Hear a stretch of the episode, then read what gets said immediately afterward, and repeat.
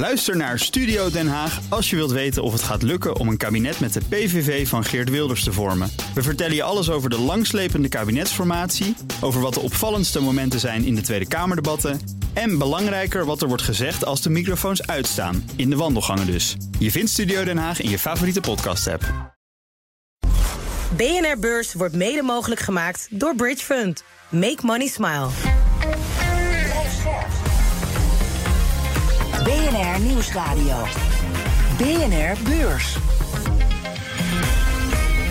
Wesley Weert, Jelle Maasbach. Het is iets na half zeven en dus tijd voor BNR Beurs, de podcast voor de slimme belegger. Ja, de hele week hebben we heel veel kwartaalcijfers en ook vandaag lijkt het niet rustiger te worden. We hebben weer een hele lijst met bedrijven die uh, met de kwartaalcijfers kwamen. En die worden ook uh, allemaal beloond met hogere koersen. De AX die sloot uh, bijna 0,3% hoger, iets onder de 772 punten.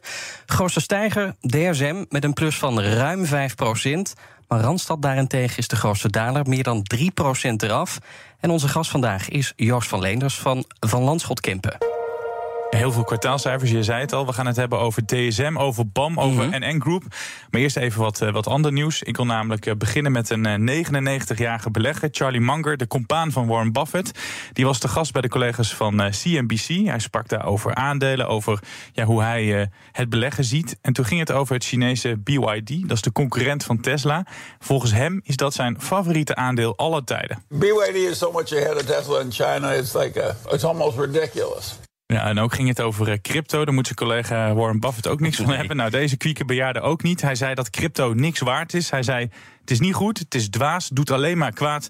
en is antisociaal. Hij kan het ook niet laten om dat dan toch nog even toch te zeggen. Te zeggen. Joost, blijft wel bizar, toch? Een man van 99 die dan nog steeds miljarden onder zijn beren heeft? Ja, ja, het is zo. En, en, en uh, het, uh, het geldt voor Warren Buffett zelf natuurlijk ook. Die is iets minder, iets minder oud, maar ja. ook, uh, ook behoorlijk op leeftijd. Ja, ja scherp, scherp blijven. Dat is, en het, het is volgens mij.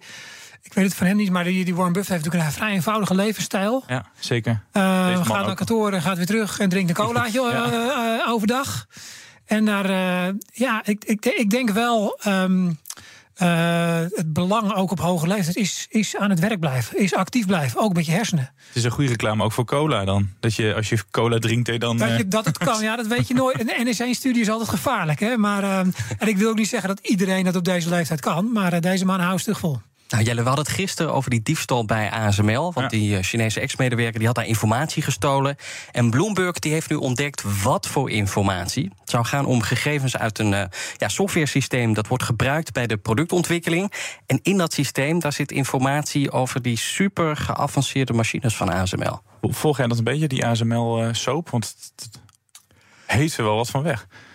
Nou ja, gewoon ja, de headlines. Maar um, het, is begrijpelijk, het is begrijpelijk dat de Chinezen erachteraan zitten. En ze willen die technologie heel graag hebben. Ze krijgen die machines niet. Dus het is logisch dat ze denken dat op een andere manier proberen. Um, en ook logisch dat de ASML daar uh, scherp op is naar bovenop zit natuurlijk. Wie mag samen met de familie Heineken over de biergigant gaan regeren? Voor een paar miljard, nou ja, 7 miljard, kun je de op één na grootste aandeelhouder worden.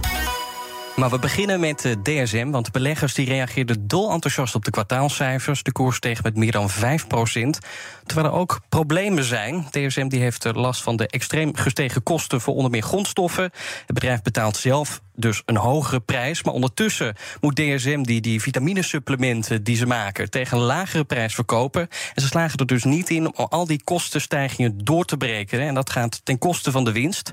Um, Joost, gaat de komende maanden nog meer winst verloren, denk je? Nou, er is, al, er is al behoorlijk wat vanaf. En je ziet natuurlijk dat die grondstoffenkosten, dat de stijging daar in ieder geval wat minder is. Mm -hmm. Dus dat betekent dat je, dat je, die, ja, dat je die, die, die, die, die, die negatieve druk dat die minder wordt. Maar toch zie je in het vierde kwartaal juist dat daar de grootste klappen zitten. Nee, zeker. Ja, maar dat, dat is het vierde kwartaal. Ja. Uh, dat klopt. Maar jij zegt um, Q1 wordt dan beter. Dat, dat zou kunnen. Kijk, kijk wat, wat, er, wat hier ook speelt. Uh, op zich zie je dat uh, over de breedte DSM zijn prijzen wel wist te verhogen, maar niet genoeg om door te berekenen. En dat komt ook omdat die volumes onder druk staan. Als die volumes onder druk staan, wordt het altijd veel moeilijker om die marges op peil te houden. En dat zie je niet alleen bij DSM, dat zie je wel meer bij wel meer bedrijven gebeuren.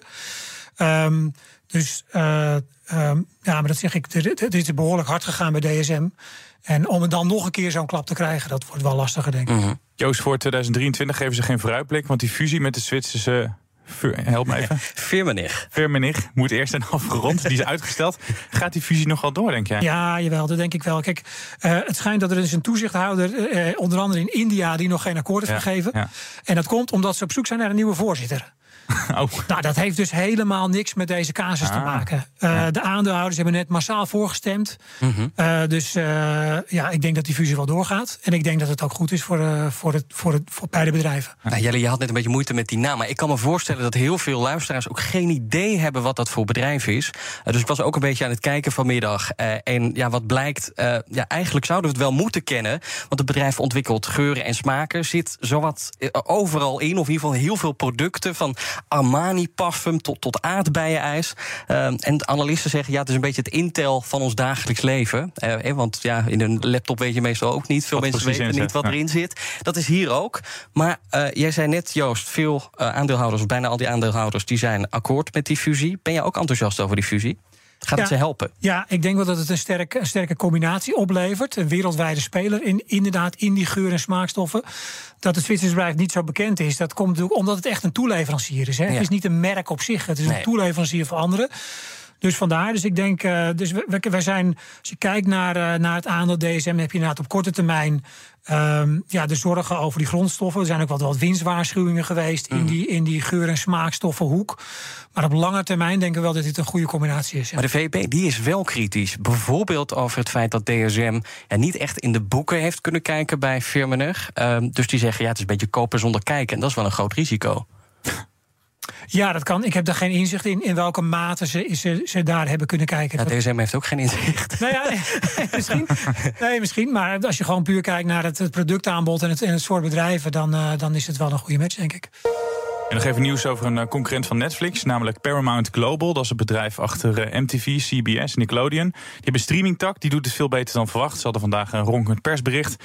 Paramount Plus hebben we het dan over. Kreeg in het laatste kwartaal 9,9 miljoen abonnees bij. En oké, ze hebben nog maar 56 miljoen. Dat is ongeveer een kwart van Netflix. Maar Ja. toch, de toename is veel sterker. En ze trokken vooral veel klanten door deze man. For years, the studios wanted me to do it. Audiences have wanted me to do it. I've gone around the world. It was just that moment. I thought, if I'm going to ever do this, now's the time. is wel, misschien wel mijn favoriete acteur, maar is natuurlijk knettergek met het Scientology eh, gebeuren. Maar het is Tom Cruise en eh, zijn nieuwe Top Gun film aanraden trouwens. Echt Ja, kijken dus. Een goede film. Eh, dan de NN Group. De verzekeraar moest flink afwaarderen op het vastgoed. En er was sprake van een verlies in de tweede helft van het jaar. 444 miljoen euro. Al let topman David Knibbe daar niet op, zegt hij tegen PNR. Onze belangrijkste target is onze kapitaalgeneratie en dus niet dat netto resultaat. En de kapitaalgeneratie die is, eh, zeven- was 1,7 miljard en is 8% gestegen.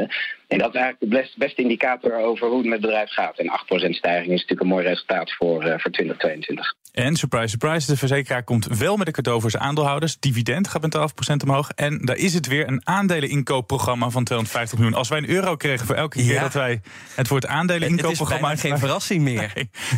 Eh, NN Group Joost heeft voor miljarden aan vastgoed op de balans.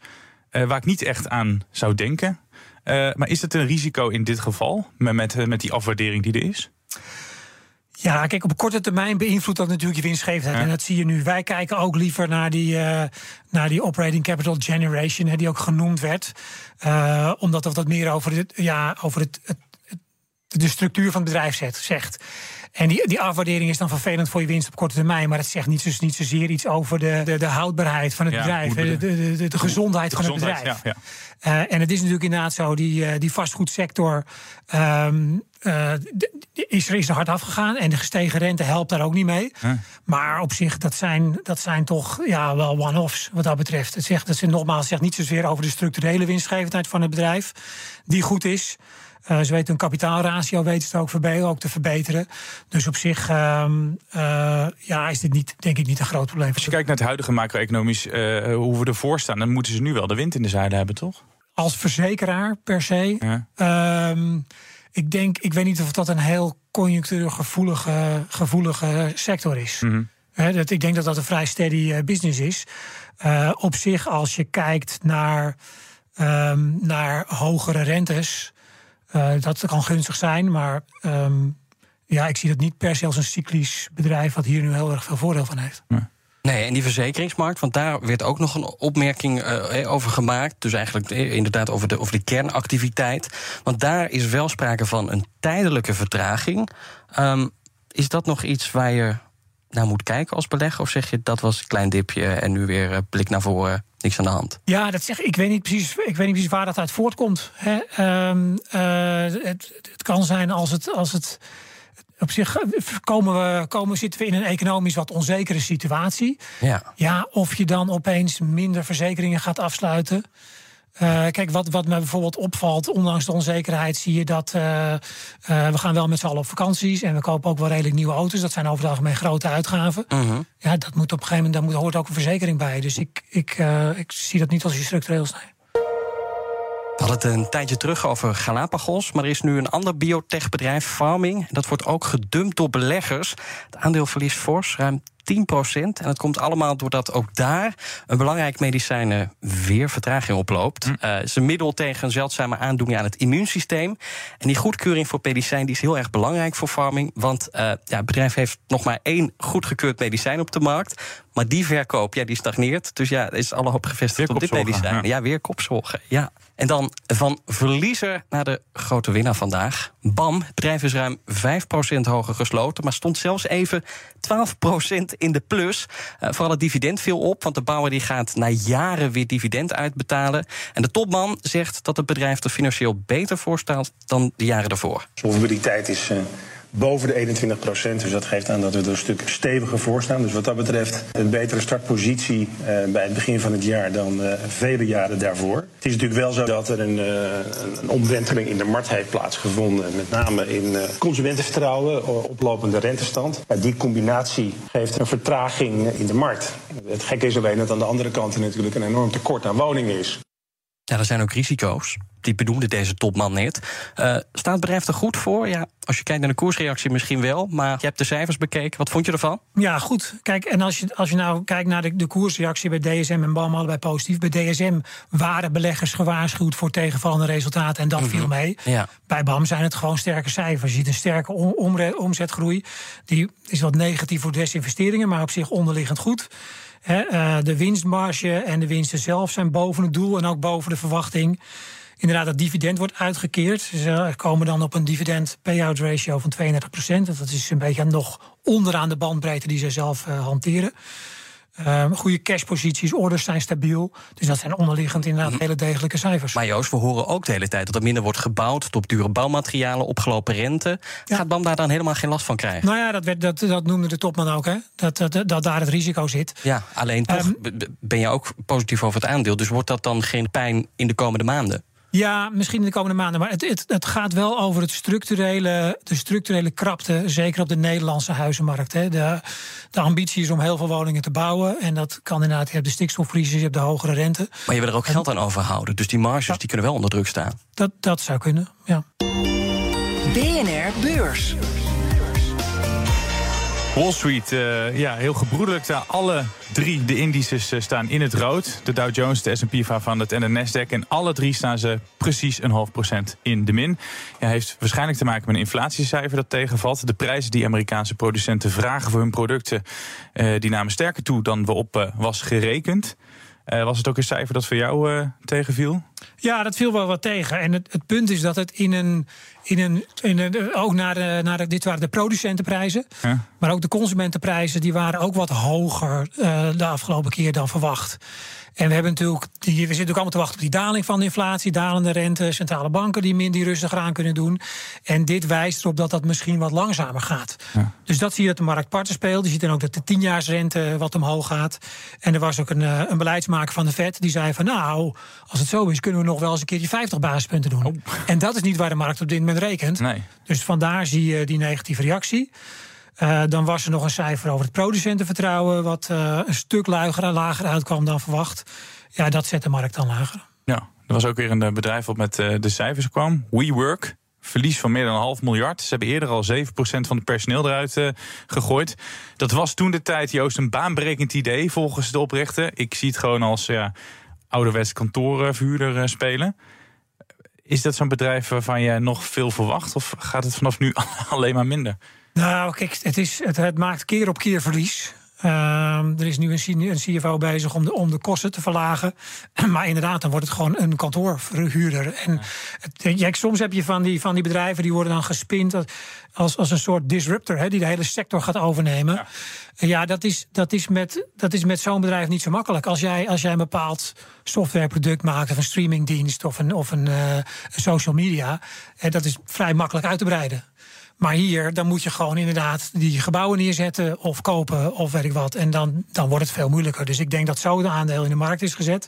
En dat het daar in ieder geval niet aan voldaan heeft. Kun je nog herinneren dat eh, die hele beursgang van een paar jaar geleden, eh, Jelle, dat was echt een heel groot ding. Er waren allemaal problemen waardoor die beursgang de hele tijd uitgesteld moest worden. Nu staan ze op de beurs. 80% van de koers is eraf. Hadden ze beter nooit naar de beurs kunnen gaan, Joost? Nou, ik denk als je de oprichter vraagt niet. Nee, die heeft gecashed. Uh, en als je de aandeelhouders vraagt die je vanaf het begin... Eh, ik weet niet, ik vraag me af hoeveel aandeelhouders daar dan nog in zitten. Ja. Maar stel dat je het aandeel, aandeel gehad hebt vanaf het begin... dan had je, beter, uh, had je dat liever niet gezien natuurlijk. BNR Beurs. De beroemdste bierfamilie van Europa en ook de machtigste, die kan nog machtiger worden. Dan hebben we het over de erven van Freddy Heineken, het Mexicaanse FEMSA, dat na hen de grootste aandeelhouder van Heineken is, verkoopt namelijk zijn belang. Het gaat om een pakket dat goed is voor ruim 7 miljard euro en mogelijk door de familie Heineken zelf opgekocht gaat worden. Ja, om te voorkomen dat het aandeel omlaag duikt, moet Heineken de portemonnee trekken. je kan ook betogen, ze hebben het misschien helemaal niet meer nodig. Het is moeilijk om in de boek van iemand anders te kijken. Maar denk jij dat die familie uh, dat belang gaat uh, opkopen van die Mexicanen? Ik weet het niet. Ik kan inderdaad niet hun boeken kijken. Maar kijk, die Mexicanen wel gezegd... we willen dat verkopen in, in twee tot drie jaar. Uh -huh. Dus zij gooien natuurlijk ook niet, ook niet in één keer op de markt. Nee. Want dan gaat de prijs zo hard naar beneden. Dan snijden ze ja. zichzelf ook in de vingers. Ja. Um, de familie weet ik niet precies. Als het bedrijf het zelf koopt, dat zou kunnen. Als ze dat nu doen, dan gaan hun schuldratio's wel door door de grens en die ze zelf willen. Hè. Dan gaat uh, de schuldratio ten opzichte van de winst gaat, uh, richting de 3. En ze hanteren zelf een beetje een maximum van 2,5. Mm -hmm. Dus dat, dat zal niet gebeuren. Ze kunnen ook een deel opkopen natuurlijk. Ze hebben nog wat, ze hebben nog wat cash, 2 miljard aan cash op de balans. Um, maar het lijkt mij voor de hand liggen dat de familie of het bedrijf wel een behoorlijke pluk daarvan koopt. Ja, ja want je wil natuurlijk ook wel weten wie erbij uh, over de schouder kijkt. Dus het is ook voor hun belangrijk dat ze wel, als er een partij komt, dat er iemand is met wie ze door de deuren kunnen. Ja, natuurlijk. Kijk, een, een, een grote, stabiele aandeelhouder is op zich niet erg. Dat is denk ik uh, wel prettig voor een bedrijf. Um, hoewel als deze aandelen op de markt komen, dan neemt de liquiditeit van je aandeel natuurlijk wel toe. Ja. Maar ja, een. En uh, als iemand dat gaat kopen die, um, waar je nou niet mee op vriendelijk voet staat, dan wordt het, wordt het heel vervelende zaak. Dus in die zin zullen ze daar bovenop zitten. En het zal me niet verbazen als ze ook wel even langs gaan in Mexico om te vragen hoe dat gaat. Ja, want is het nog een interessant aandeel? Zouden er partijen zijn die, uh, die zeggen: Oh, dat, dat belang zouden we heel graag willen overnemen van die Mexicanen? Dat zou kunnen. Wij hebben zelf een beetje een neutrale opinie op Heineken. Maar het zou best kunnen dat een andere bierbrouwer daar om strategische redenen uh, interesse in heeft. Ja. Waarom wil FEMSA er nu opeens vanaf? Dat, zijn die, uh, dat is die Mexica, dat Mexicaanse bedrijf. Ja, dat weet ik. Dat heb ik, niks, heb ik niet gezien. Waarom dat, uh, waarom dat nu opeens moet. Ze stappen er in ieder geval uit. Heeft, kan het nog gevolgen hebben voor mij als ik aandeeltje Heineken heb? Je zei net wel al, ja, ze doen er misschien twee tot drie jaar over. Maar ga ik dat terugzien in het aandeel Heineken? Ja, dat hangt er dus vanaf inderdaad hoe snel het verkocht wordt. Uh, het hangt er vanaf als dat heel veel met vreemd vermogen gefinancierd wordt hè, door het bedrijf. Uh, uh, ja, dat kan een, een, neerwaartse druk op het aandeel geven. En het, het, misschien niet per se dat het op korte termijn omhoog gaat, maar dat het wat achterblijft hè, bij andere vergelijkbare bedrijven. Dat, dat zou kunnen. Ja. Um, maar als, als dat allemaal wat soepeltjes gaat, dan zou de schade beperkt kunnen zijn. Ja, ik zag vandaag niet hele grote koersuitslagen. Uiteindelijk stond het een half procent in de plus. Dus beleggers maken zich toch geen zorgen, maak ik daar dan even uit op. Ja, nee, in, inderdaad, duidelijk. En, en dat, inderdaad, dat kan, dat, dat, aan de ene kant kan je zeggen, als er onduidelijkheid is, dan gaan koersen naar beneden. Uh, nu is er kennelijk toch wel een vertrouwen dat daar een, uh, een redelijk uh, soepele oplossing voor gevonden wordt. En dan gaan we kijken wat er morgen op de agenda staat. Er komt net als vandaag weer een bouwer met de kwartaalcijfers. Heijmans om precies te zijn. Het bedrijf dat zich sinds een paar jaar alleen nog op Nederland richt. Buitenlandse dochters werden sinds 2016 van de hand gedaan en het bedrijf werd financieel gezonder en er werd zelfs weer dividend uitgekeerd. De eerste drie kwartalen van vorig jaar die waren sterk. Goede resultaten en een goed gevulde orderportefeuille. Het wordt vooral interessant wat Heijmans verwacht van dit jaar. En of dat nog in lijn is met wat de directie een paar maanden geleden nog voorspelde. Het maakte zich toen nog zorgen over de afkoelende huizenmarkt, de stijgende loonkosten en materialen en de stikstofproblematiek. En tot slot deze dag nog economische cijfers. Cijfers over de Amerikaanse industrie, over de detailhandel in het VK en een inflatiecijfer uit Frankrijk. Er komen dus nog wel wat uh, economische indicatoren. Is er nog iets waar jij naar kijkt? Kijk, Heijmans is dan misschien niet een bouwbedrijf waar we met z'n allen nog uh, naar kijken.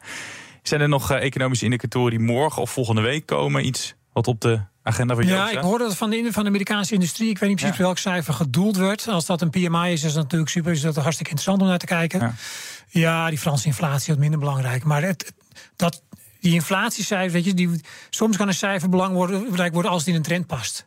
En dus als dat ook weer een beetje tegenvalt, ja, dan, ja. dan wordt het opeens belangrijker. Maar op zich zijn dit niet. Uh, de meest belangrijke cijfers op economisch vlak. Nou, we hadden hier een paar dagen geleden hadden we Jean-Paul van Oudheusden in de uitzending. En ja, die, die moest een beetje zuchten van. Ja, al die, om al die inflatiecijfers. Ja, wat hij zegt, ja, dat, dan is het 0,2% hoger, 0,2% lager. Waar hebben we het over? Nou ja, kijk, je ziet dat die markten zijn gewoon nog steeds super gevoelig daarvoor. Die zijn super gevoelig voor inflatie en super gevoelig voor de rente. Beetje overgevoelig?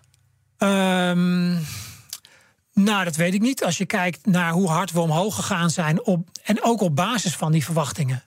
Op basis van de verwachting dat de inflatie gaat dalen. Op basis van de verwachting dat de, dat de centrale bank een draai gaan maken. En dat we aan het eind van het, uh, van het jaar richting renteverlagingen gaan. Zit daar veel, veel hoop in. En, en dan, wordt, dan wordt de markt daar gevoelig voor. Je, je bent die cijfers dus, nog niet zat. Nou, nee, ik ben niet zo gauw cijfers nee, sterker nog, jij kwam net binnen en zei, ga het niet over inflatie dat hebben. Is, uh, dat, is, uh, dat is mijn werk, dat is mijn werk. Nee, maar goed, dat is ook van belang voor ons. Hè. Dat is, het is gewoon uh, in ons beleggingsbelang, in ons beleggingsbeleid ook gewoon heel belangrijk. Ik, ik denk wel uh, dat het op een gegeven moment minder belangrijk is. En, en dat we wat meer naar de groei en wat meer naar bedrijfscijfers gaan kijken. Want daar zie je ook een beetje een kentering. Hè. We zien mm-hmm. toch dat die, dat die bedrijfscijfers onder druk staan over de breedte. Dat we, dat we daar niet meer groeien, dat het belangrijker wordt. Maar um, ja, gezien waar de markt op bewogen heeft. En, en dat daarmee de waarderingen zijn opgelopen. Een enorme rally hebben gehad. Ja, blijft het gewoon blijft het van belang. Dankjewel. Joost van Leenders van Landschot Kempen. En voor we echt helemaal afzwaaien, nog een tip. Die komt zoals elke dag uit het boek van Corné van Zijl... met al die tegeltjeswijsheden voor de belegger. Vandaag eentje over risico durven nemen. Rendement heb je pas behaald als je geen posities meer hebt. Tot morgen. Tot morgen. BNR Beurs wordt mede mogelijk gemaakt door Bridge Fund. Make money smile.